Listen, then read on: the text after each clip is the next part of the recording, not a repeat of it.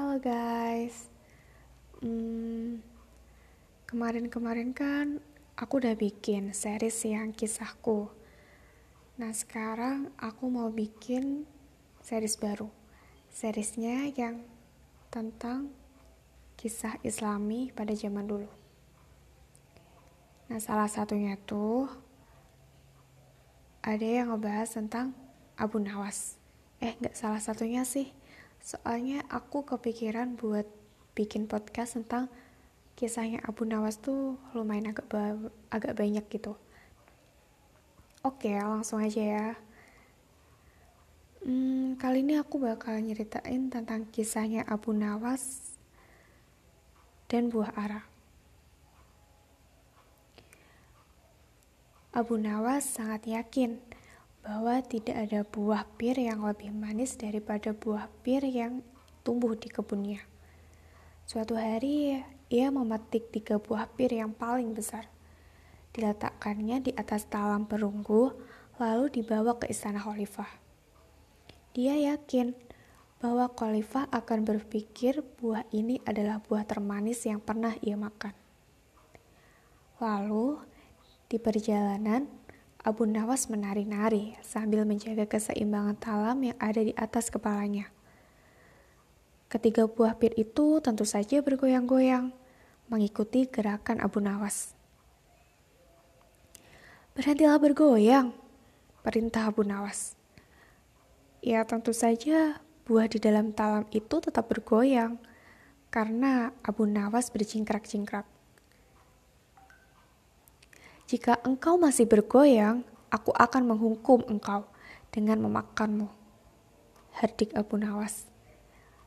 Dan masih saja ketika buah itu bergerak-gerak dan tidak ada yang dapat dilakukan Abu Nawas kecuali memenuhi sumpahnya. Iya, Abu Nawas memakan buah tersebut.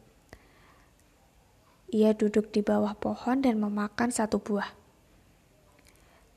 Tapi ia merasa bahwa buah yang ada di atas kepalanya bergerak lagi. Lalu ia ambil satu buah dan ia makan lagi.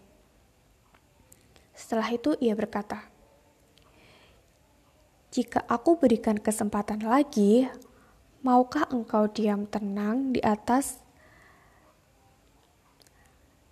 Tanya Abu Nawas pada buah ketiga yang tinggal sendirian di atas talam.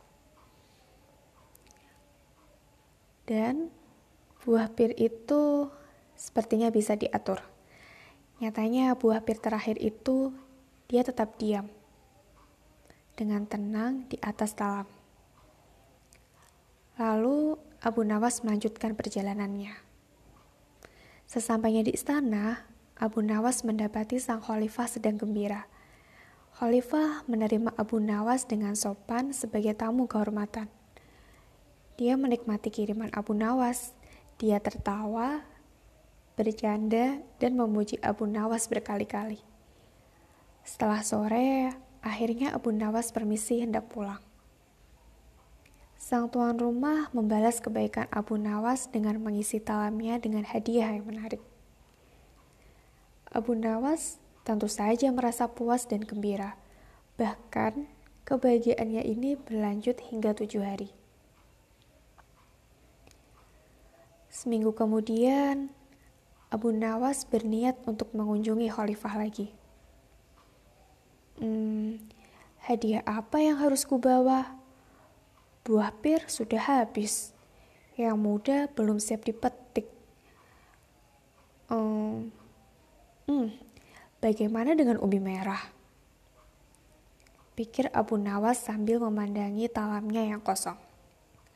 Akhirnya Abu Nawas mengambil umbi yang terbaik lalu diletakkannya di atas talam. Lalu talam itu ia letakkan di atas kepalanya dan ia mulai berjalan menuju ke istana. Di tengah perjalanan, ia bertemu dengan Hasan. Ke mana engkau akan membawa umbimu, Abu Nawas? Tanya Hasan. Aku akan menghadiahkan untuk khalifah. Jawab Abu Nawas dengan mantap. Lalu Hasan bertanya ragu, Umbi untuk khalifah? Tidakkah umbi ini cocok sebagai hadiah buatnya? Abu Nawas menurunkan talamnya dari kepala dan memandangi umbinya, seakan-akan baru pertama kali melihat umbi. Lalu Hasan memberi nasihat, akan lebih baik jika engkau memberi khalifah selain umbi. Contohnya, buah arah. Begitu kata Hasan dengan sangat yakin. Hmm, ya, buah arah sepertinya cocok untuk hadiah. Abu Nawas heran, mengapa dia tidak berpikir sebelumnya. Lalu dia berbelok ke pasar dan menukarkan umbi merah dengan buah arah. Engkau beruntung, kata penjual buah arah. Untuk mendapatkan arah sebanyak ini hanya dengan beberapa umbi merah. Padahal sebenarnya pedagang itulah yang beruntung karena buah arah yang diberikannya semuanya busuk dan siap untuk dibuang. Lalu, setelah menerima buah arah, Abu Nawas melanjutkan perjalanannya ke istana. Kali ini, Khalifah rupanya sedang risau dan gundah. Pekerjaannya hari ini hanya marah, cemberut, dan memaki. Bagi Khalifah, janda Abu Nawas tak ubahnya seperti seringai serigala. Dan mendapat hadiah buah arah busuk, Khalifah naik pitam ia menganggap perbuatan itu sebagai penghinaan. Kemari segera, teriak khalifah kepada pelayannya. Enam pelayan segera berlari menghadap khalifah. Ambil buah ini dan lemparkan kepadanya. Lemparkan setiap buah kepadanya. Lemparkan dengan keras, teriak khalifah. Abu Nawas langsung berbalik dan dia berlari tetapi sayangnya gerakan para pelayan lebih cepat daripada Abu Nawas. Dan tak satu pun buah arah yang tidak mengenainya. Alhasil tubuhnya belepotan, terkena cairan hitam buah arah yang busuk. Abu Nawas terus berlari sehingga dia tidak menyadari bahwa sepatunya tertinggal di istana. Lalu di tengah perjalanan ia bertemu dengan Hasan. Oh Hasan, aku sangat berterima kasih tujuh kali di bawah bumi karena engkau telah menolongku. Hasan menatap Abu Nawas yang kotor. Wahai Hasan, aku berterima kasih tujuh kali di atas surga atas apa yang engkau lakukan kepadaku.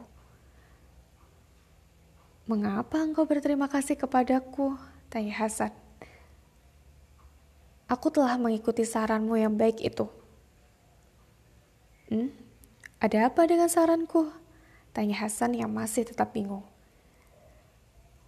Jika aku memberikan umbi merah kepada khalifah, pastilah pelayan-pelayan itu akan melempariku dengan umbi merah yang keras.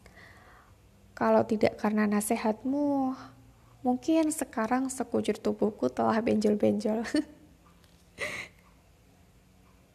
Oke, okay.